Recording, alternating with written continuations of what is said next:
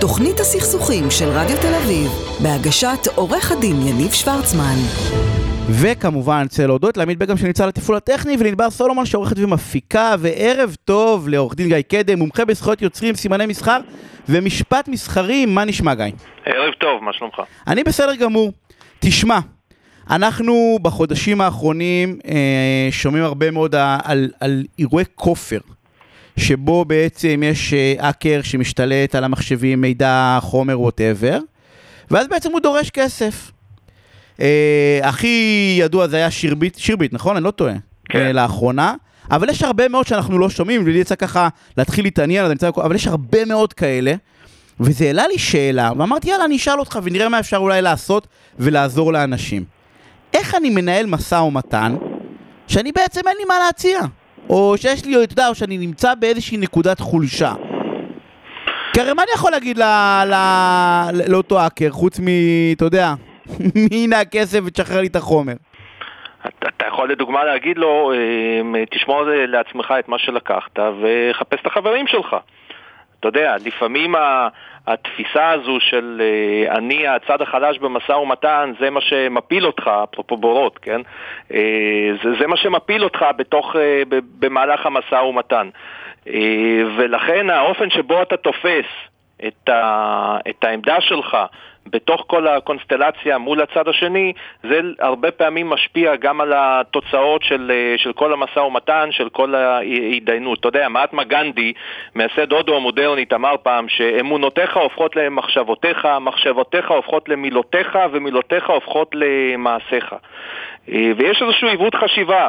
של אה, מחשבה שמייצרת אה, מציאות. אתה חושב שאין לך שום מנוף לחץ, אתה חושב שאתה הצד החלש במשא ומתן, אתה מראש מרים ידיים ואתה מפסיד. במשא ומתן. אתה בא ואומר שבעצם רוב המשא, או חלק גדול מהמשאים ומתנים האלה, בגלל שאתה יודע, רוב האנשים מגיבים מיד, הם בעצם בכלל בהתחלה, באיך שאני מציג את עצמי כלפי הצד השני. חד משמעית. את, אה, לצורך העניין, הבעיה מתחילה בשאלה שלי בכלל. חד משמעית, תחשוב, יכול להיות שדווקא זה שמציג את עצמו כצד החזק, זה שעושה את האבו עלי, דווקא הוא הצד החלש. דווקא הוא מנסה לעשות בכאילו. עכשיו, תראה, הכל כמובן אה, אה, תלוי, אה, תלוי נסיבות. אני אתן לך דוגמה. בוא רגע נעזוב רגע את עניין הסייבר בצד, אבל תסתכל מה קורה עם חיסוני הקורונה. מצד אחד יש לך מדינות מעצמות, ומצד שני יש לך חברה ופתאום מעצמה כמו ארצות הברית, היא, אתה יודע, מה היא יכולה לעשות? היא צריכה חיסון, והנה יש פה חברה שיכולה לסובב את כולם על האצבע, על האצבע הקטנה. אז מי פה החזק ומי פה החלש? אותו דבר באירועי כופר, אם אנחנו נחזור לדוגמה שלך. אם אתה אה, אומר לאותם אה, האקרים, אה, חברים, תשמרו את החומר אצלכם, תעשו איתו מה שאתם רוצים, שקל לא תראו ממני, הוצאת להם את כל הרוח מהמפרשים. עכשיו זה כמובן בהנחה שאתה יודע מה הם לקחו ואתה מוכן לקחת את הסיכון. יש פה עניין של אה, ניהול סיכונים. בסופו של דבר, הכי חשוב זה לנסות להבין מה האינטרס של הצד השני למשא ומתן. הרי אם בא אליך מישהו ואומר לך, אה, אה, אני רוצה שתשלם לי איזשהו פיצוי כי פגעת בי, פרסמת עליי איזשהו לשון הרע, לכלכת, אתה צריך לנסות להבין מה האינטרס שלו, מה המטרה מעבר לתש... לתשלום הפיצוי. אולי הוא רוצה התנצלות, אולי באיזושהי מערכת יחסים עסקית הצד השני רוצה לקבל איזה שהן אה, תועלות אה, כלכליות, מסחריות, אולי הוא מנסה אה, להוציא אותך מהשוק, אולי הוא רוצה איזשהו שיתוף פעולה. חוכמה היא לנסות להבין את האינטרסים. ברגע שאתה מבין את האינטרס מעבר לדרישה הכספית, בדרך כלל הדרישה הכספית היא לא אינטרס, היא באה לשרת זה מה שבאתי לחדד, אתה בא ואומר בעצם שהדרישה הכספית זה הדרך שלי להגיד, זה כמו למשוך בצמא, בגדול. זה למשוך בצמא, להגיד אני רוצה פה את התשומת לב שלך, שלך, ובוא נראה מה קורה. ברגע שאתה מבין את האינטרס, אז יכול להיות שמתברר שדווקא אה, מי שחשב שהוא הצד החלש, הוא דווקא הצד החזק. כי לא, יש יכולת לתת משהו לצד השני, שהצד השני מנסה להשיג אותו באמצעות איזה שהן דרישות שעל פניו מציגות אותו אה, אה, אה, כצד, אה, כצד חזק. תראה, הכוח האמיתי במשא ומתן הוא לא נגזר מכמות המשאבים שיש לכל אחד מהצדדים, אלא מתפיסת האלטרנטיבה. מי צריך את מי יותר? מי מוכן לשלם יותר אם אין עסקה? מה איך לא נגררים... שלך למשא ומתן? אבל אני אשאל אותך עכשיו שתי שאלות, בסדר? איך לא נגררים בעצם, כי נניח מישהו שלח מכתב דרישה ווטאבר, כמעט באוטומט עורך דין יענה בחזרה, ואתה יודע, מכחיש, מכחיש, מכחיש את כל מה שכתוב במכתב, ואתה מדבר בעצם על איזושהי יצירת דיאלוג. אז זו טעות בעצם לשלוח את הדבר הזה? כאילו, זו טעות לא אוטומטית להגיב כמעט... יצירת- אני לא מדבר בהכרח על יצירת דיאלוג. אני מדבר על ניסיון להבין מה הצד השני רוצה. לפעמים אתה מקבל מכתב ודורשים ממך א' וב' וג' וד', וכשאתה מנסה להבין מה האינטרס של הצד השני, מה האינטרס שלך, ואתה אומר, אוקיי, אם אני לא מקיים את האינטרס של הצד השני ואני שומר על האינטרס שלי, מה האלטרנטיבות שלי? האם הוא באמת ילך לבית משפט? בוא נשים את עצמנו בנעלי הצד השני. האם הוא ילך לבית משפט? האם הוא ינקוט בכל אותם צעדים שהוא צועק ש... שהוא נוקט? שהוא בכוונתו לנקוט? לא בהכרח. לפעמים יש מטרה אחרת, לפעמים בן אדם רוצה התנצלות, לפעמים בן אדם אומר אוקיי, רוצה שיגידו אוקיי, אתה צודק, אני מפסיק לעשות את מה שאני הולך לעשות. הרבה פעמים אנחנו רואים את זה במכתבי התראה, אתה מקבל מכתב התראה שעשית ככה ועשית ככה ואם לא תשלם ולא זה ולא פה ולא שם אז נלך לערכאות וננקוט בצעדים ונעשה ונעשה ונעשה. בסוף מה שאתה מבין שהבן אדם בסך הכל רוצה שתחדול מלעשות משהו ואתה עושה את היחס עלות אז למה לא מבקשים? לא אכפת לי לחדול. גיא, אז למה לא מבקשים? למה התרבות האלימה הזאתי? אני שואל באמת, אני מנסה סתם, למה? כי אתה בא ואומר, בוא, הגיונית הרי. אם אני הצד הדורש, אז הרי, אתה יודע, אני, אני לא מוותר על הזכויות שלי, נכון?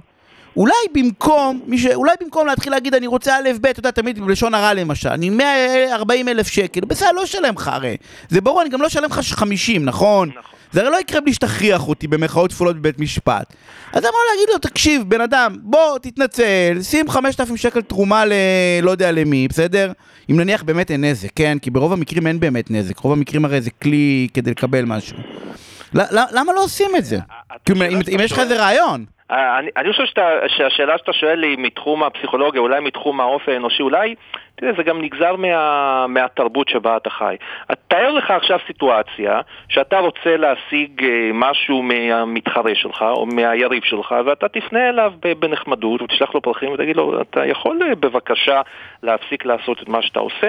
כנראה שאם היריב שלך הוא אה, לא הכי נחמד, הוא פשוט יגלגל אותך מכל המדרגות. ואז מוסרית אפרופו גנדי.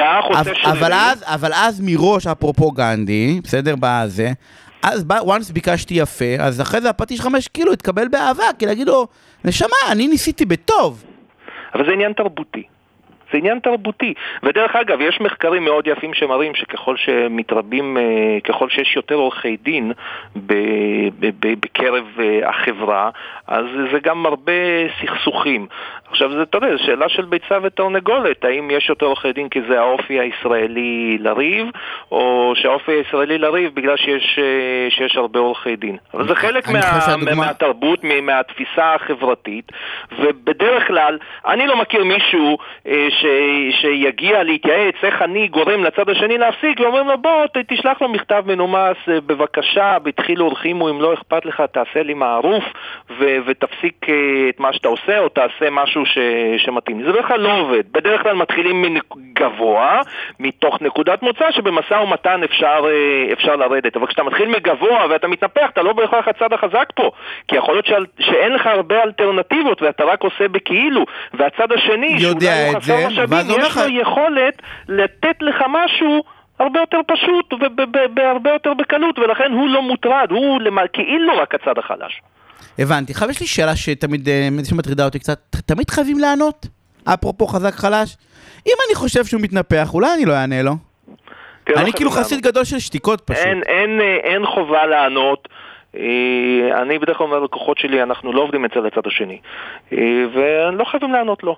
אבל לפעמים תשובה טובה יכולה אה, להוציא את הרוח מהמפרשים של הצד השני. כי אם אתה מבין מה האינטרס, ואנחנו חוזרים לאינטרסים, אתה מבין מה האינטרס של הצד השני, והוא בא עם, אתה יודע, עם אבו עלי ומתנפח ובאיומים, ואתה אומר, רגע, אבל מה שהוא רוצה, אני יכול לתת לו בקלות. אז עדיף לי לענות לו, אתה יודע מה, אני חושב שאתה טועה, ואתה סתם מקשקש, אבל אני מוכן לתת לך ככה וככה. והנה הוצאת לו את כל הרוח מהמפרשים, פיצצת לו את הבלון, ולמעשה... אתה מבסוט כי לא נגררת להליכי סרק. והשאלה אבל עכשיו, אם, אם זה לא חלק מהעובדה שזה יחנך אותו פעם הבאה, להגיד וואלה, הצלח לי, הצלח לי האבו עלי הזה. הצליח לי אני הג'ון בריון, אז אני עכשיו אתבריין עוד פעם גם על הבא בתור.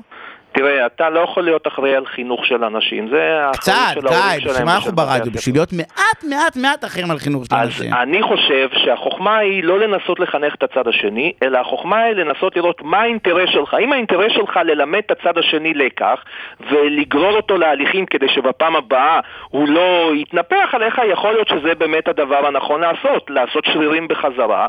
ולהגיד לו, אתה יודע מה, אתה רוצה לתקוף אותי? אתה רוצה לנהל, לנהל מולי הליכים? אהלן. וסהלן. הנה, בית המשפט נמצא פה, הדלתות שלו פתוחות, לך תתבע. אם המטרה שלך היא לחסוך בהליכים, לחסוך בכסף, לפעמים הדבר הנכון זה להגיד לו, בסדר, אתה סתם מקשקש, אבל אני מוכן לפנים משורת. הדין, קח. אנחנו צריכים לסיים, למעשה הסוד הוא, הוא בתכנון הראשוני, נכון? בפנייה, once מישהו פנה אליך, הוא בתכנון הראשוני, once תכננת נכון, אתה תקבל בול מה שאתה רוצה, לא תכננת נכון, ואני... בתכנון הראשוני ובזיהוי נכון של אינטרסים. הרבה פעמים, כמו שאמרת בפתיחה, כדי לזהות את האינטרסים האמיתיים, אתה חייב מישהו מבחוץ שיעזור להכווין אותך. כי כשאתה בתוך היער, אתה לא רואה את כל העצים מסביב, אתה לא רואה את התמונה מלמעלה. רק את הרגש, אתה רוצה לתת לו בראש. ידעת איך להתמודד עם הבעיה.